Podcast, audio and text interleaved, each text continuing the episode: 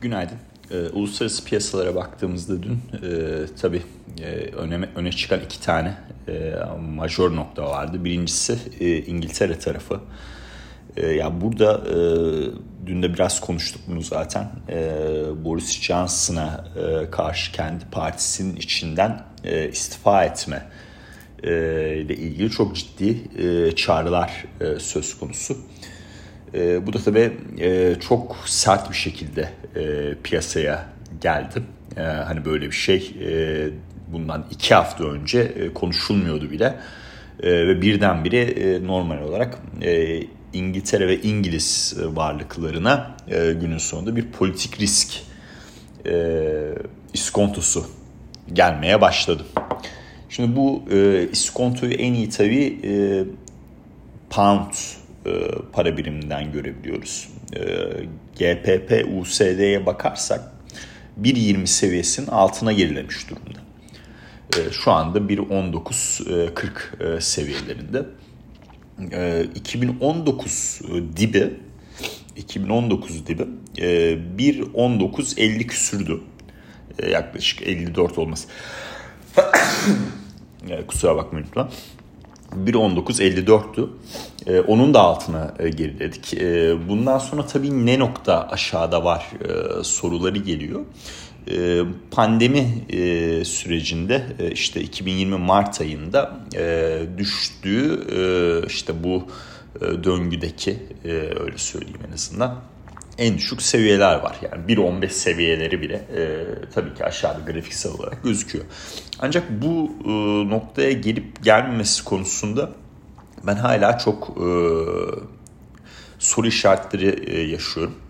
Bana e, çünkü o zaman e, çok büyük bir ekonomik e, belirsizlikle e, işte yapılan fiyatlamada günün sonunda e, sterlin e, tarafı ciddi olarak değer kaybetmişti. E, ve dolar endeksinin o zamanlar e, bu riskten kaçış olası, o, olayındaki e, durumu e, şu anki zamanında ötesindeydi. Yani çok ciddi bir büyük bir bilinmezlik vardı e, dünya ekonomisinin gidişatı ile ilgili. E, şu anki de şu anki bilinmezlik resesyon olacak mı olmayacak mı noktası. Bildiğimiz işte birazdan da konuşuruz zaten. E, FED fırsatını bulursa, enflasyon tarafı izin verirse e, frene basma e, noktasını tekrardan gündeme getirebileceği. E, şimdi dolayısıyla bu yapıda pound'un ben açıkçası 1.16, 1.15'e gitmek gitmesindense e, 1.19, 50, 1.20 bandının üzerine atıp işte bir kapanış e, yaptıktan sonra en azından tepki alımlarının o noktada daha çok artabileceğini düşünüyorum. Kısaca GPP USD'de 1.20 üzeri bir kapanışta bir işte yüzde ikilik, yüzde iki buçukluk bir tepki alımına kısa vadeli trade e, mantalitesinde bakılabilir e, tekrardan 1.19.50 altına stop loss koyarak yani yakın bir stop loss'la beraber bu mantıklı çalışır. E, tabii bu pound'u konuşurken bir taraftan doları konuşmuş olduk. Euro dolar tarafına da e, değinmek istiyorum. Dün 1.02'nin de altına indik. 1.01 e, 60 e, e, seviyelerine kadar geriledik. E, burada yani çok defalarca bunu konuştuk zaten. E, o yüzden tekrar tekrar başınızı şişirmeyeceğim. E, bir olma olasılığı tabii ki fiyat çok yaklaştığı için artık var yani. Bu net bir şekilde görülüyor. Artık da demeyeyim her zaman vardı zaten. E, şu anda çok daha e, olasılığı yükselmiş oldu. E, burada e,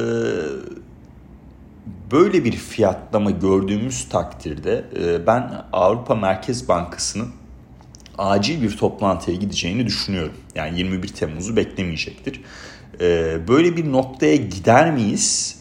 Ee, gidebiliriz e, ama e, bir şekilde e, tepki alımları buradan da sert bir şekilde gelebilir. Yani hala işte o faiz makası fiyatlamalarında Şuradan da bir daha onu e, kontrol edeyim yanlış bir bilgi vermemek adına. Şöyle bir hemen e, bir saniye bekleteceğim sizi. Faiz makasında e, ABD ve Almanya 2 yıllıklarının ne noktada olduğunu bir kontrol etmek istiyorum.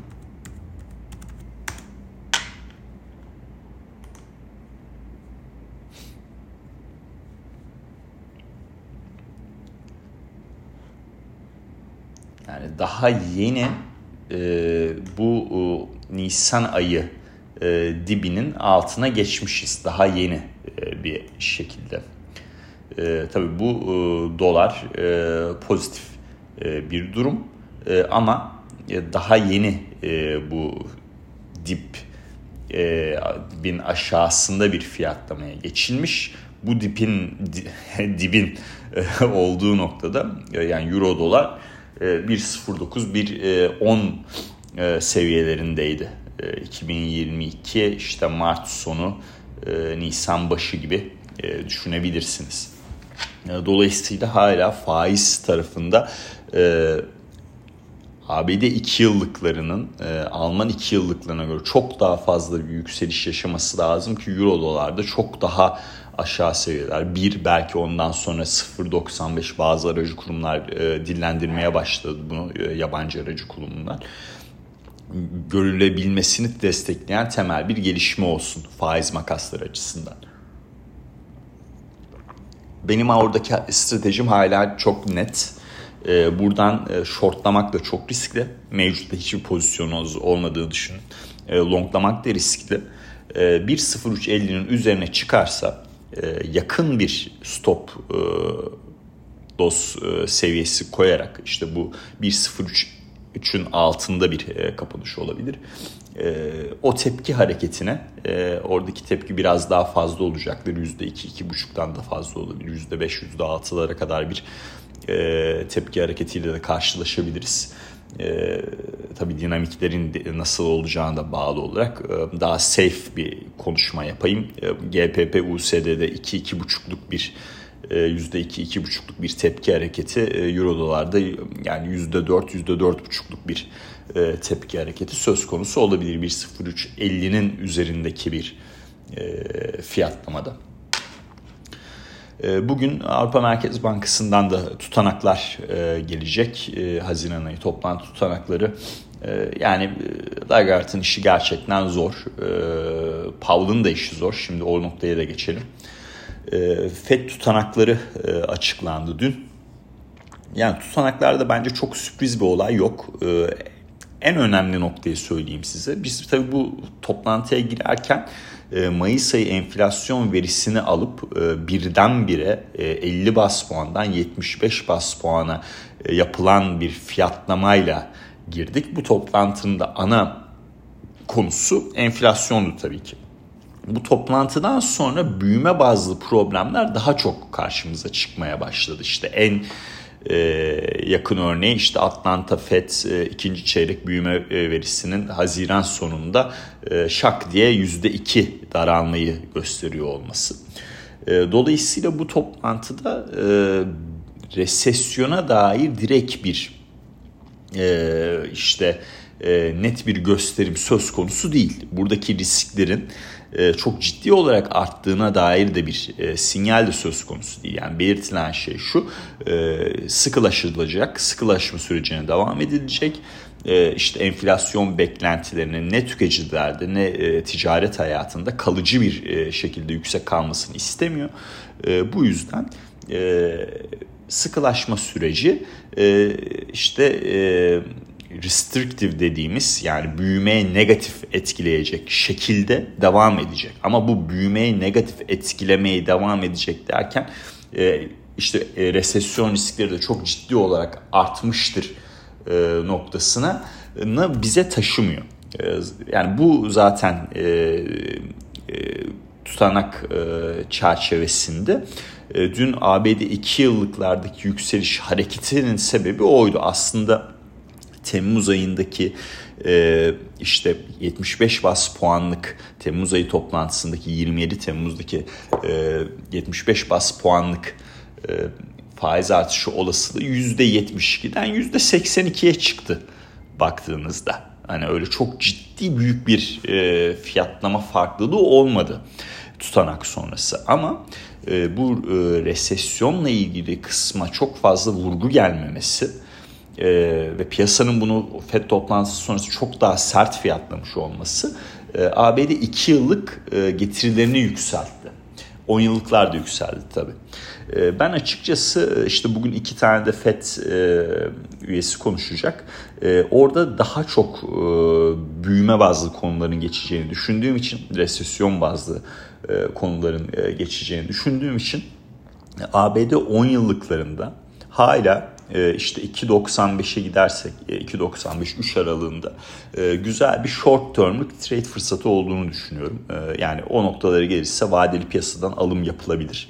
Oradan tekrardan işte 2.77 bölgesine doğru %2.77 bölgesine doğru çekilme hareketine trade edilebilir. O da güzel bir para bırakır zaten. Eğer 2.95'ten longlayıp vadeli de 2.77'de kapatabiliyorsanız e, bu bayağı bir e, güzel bir e, trade e, noktası oluşturur. Üçün üzerine de mesela bir stop koyarsınız. Üçü geçerse, e, üçün üzerine kırarsa stoplamak üzerine e, bu şekilde bir e, düşünce e, ve trade stratejisi yaratılabilir orada.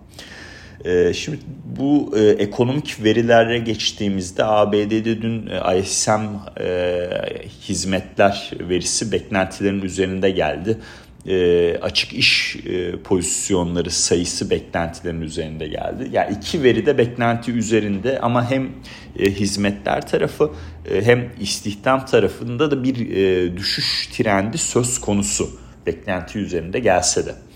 E, benim en çok e, dikkatimi çeken olay şu e, ISM verilerinde yani bu işte satın alma yöneticileri endeksi bizde nasıl PMI verileri e, işte e, işte Bloomberg'un yaptığı anket var vesaire. Ben benzer bir şekilde düşünebilirsiniz. E, iki veride de özünde istihdam alt kalemi daralma bölgesinde ve ikisi de 47'lerde yani böyle yeni daralmaya geçmiş değil. Dolayısıyla cuma günü açıklanacak tarım dışı istihdam verisinde kötü bir veriyle karşılaşabiliriz. Ancak buradaki kötü veri e, kötü bir manşet veri eğer saatlik ücretlerde de gerilemeyle karşımıza çıkarsa e, işte hisse senedi piyasası açısından e, kötü verinin iyi fiyatlandığı bir döneme bir başlangıç yapıyor olabiliriz. Bunun sinyali nasıl geliyor dersen derseniz e, son birkaç gündür özellikle bu e, petrol fiyatlarındaki düşüşte e, ben orada hala WTI petrolde 92-60 seviyesine gerileyeceğimizi düşünüyorum. Dün 95'lere kadar çektik. Bugün işte ondan sonra bir miktar tepki alımı geldi. Bugün tekrardan bir miktar eksideyiz. Bu 200 günlük ortalamayı test edecektir yani. Orada orada beklentimde bir değişiklik yok. E, işte hatta e, onunla beraber benzin fiyatlarında da gerileme var. E, o crack e, spread'i de tabii bu aşağıya çekiyor. E, dolayısıyla enerji şirketleri üzerinde de baskı oluşturmaya devam ediyor. E, enerji şirketlerinde bu baskının daha da devam edeceğini düşünüyorum. E, satışların e, daha bitmediğini düşünüyorum. E, sektörel olarak enerji hala S&P 500'de açık ara en iyi sektör e, ve oradaki düzeltme devam edecektir. bu işte e, kötü verinin iyi yorumlanması ile ilgili aldığım sinyalde e, teknoloji şirketlerinin son zamanlarda iyi perform ederken e, enerji şirketlerinde çok ciddi bir gerileme olması ve daha da çok gerilemeye beklemem. yani şahsen hala kısa vadeli olarak hisse senedi tarafında teknoloji al, enerji sat iyi bir strateji bence. Bu durum tabii neden geliyor? İşte e, bir noktada kötü veriler karşımıza çıkmaya daha da çok fazla çıkarsa e, FED frene basacak. E, işte e, günün sonunda e, tahvil getirileri çok da fazla yükselmeyecek. Hatta e, ya 10 yıllıklarda 2 yıllıklarda düşüşler görülebilir şeklinde. E, bu da tabii e, daha böyle long duration e, işte daha nasıl söyleyeyim uzun e, nakit akışlı nakit akışı daha uzun vadedeki faiz oranlarına daha böyle hassas olan e, varlıklarda e, daha böyle pozitif e, etki yaratıyor. E, işte e, yani yıkıcı teknoloji olsun, e, mega sermayeli teknoloji olsun, e, yazılım e, sektörü olsun vesaire e, çip e, tarafında bile e, olumlu hareketler hareketlenmeler var e, o tarafta da e, şu an için değil ama birkaç tane takip ettiğim yer var. Ee, Philadelphia e, yarı iletkenler e, endeksinde. Eğer o seviyeler geçilirse Nvidia güzel bir e, tekrardan trade fırsatı verecektir diye düşünüyorum. Keza AMD de benzer bir şekilde düşünülebilir. Neyse konuyu çok dallanıp budaklandırmayayım. Ee, bu sinyalin geliyor olması işte teknoloji long, e, enerji short'tan gelen e, bir sinyal bu. E, kötü verilerin iyi bir şekilde ilerleyen zamanlarda fiyatlanabileceğine dair bir işaret. E, tabii bunun olmasının da bir noktası enf alacağımız enflasyon verilerinde e, bir noktada e, düşüş, e, yükseliş hızında bir düşüş olacağına dair kanıt alabiliyor olmamız. E, onun dışında e, hani hisse e, bazlı e, dün e, Snowflake'i paylaştım. E, 155 seviyesinin e, üzerine dün güzel bir şekilde geçti. E, hatta 165'lere e, gitti kodu Snow. Ondan sonra kapanışa doğru tekrardan satışlarla 155 altında kapanış yaptı. Çok önemli bir düşüş trendini bir kırma denemesinde bulundu. İlkinde başaramadı. Ee, bugün e, ve işte bu hafta kapanışında S&P 500 3810-3815 üzerinde kaldığı sürece e, burada bir daha bir long denemesi yapılabilir 155 üstünde. Ben bunun 180 185 bölgesine kadar gidebileceğini düşünüyorum. Ee, şeyde de Çivi tarafında da e, güzel hareketler oldu. E, onların büyük bir kısmını da yakaladık. E, oradaki e, beklentim hala e, 45-50 dolar e, bandında. E, şu anda 40 e, dolar seviyesindeyiz. E, yani 45 dolarları geldiğimizde e, burada buradan bir miktar e, dün mesela en yüksek 41 onu görmüş. E, pozisyon kapatımına gidilebilir diye düşünüyorum. Ee, bugünkü ekonomik verilerde haftalık işsizlik başvuruları verisi var. Ama işte daha da önemlisi petrol stokları olacak, doğalgaz stokları olacak ve iki tane FED üyesinin konuşmaları takip edilecek. Durum budur. Dinlediğiniz için çok teşekkürler. Ha bir de gene hep böyle oluyor ya. Bitcoin tarafı. Valla 20 binin üzerinde bir şekilde dayanıyor olmamız iyi. 19-500 ee, binin üzerinde olmamız çok iyi. Burada hala e, yani düne göre bir şey benim için değişmedi. Ee, yani tabii teknik olarak birçok farklı seviyeyi konuşan arkadaşlar olabilir. İnanırım. Saygı da duyarım. Benim takip ettiğim e, işte 25.500'dü şu anda 25.000'e 25.100'e gerilemiş durumda. O 50 günlük ortalamayı birincisi test edebilecek miyiz? Edeceğimizi düşünüyorum. Üzerinde kapatabilecek miyiz? Now that's the question diyorum. Dinlediğiniz için çok teşekkürler. Herkese iyi seanslar, mutlu günler dilerim.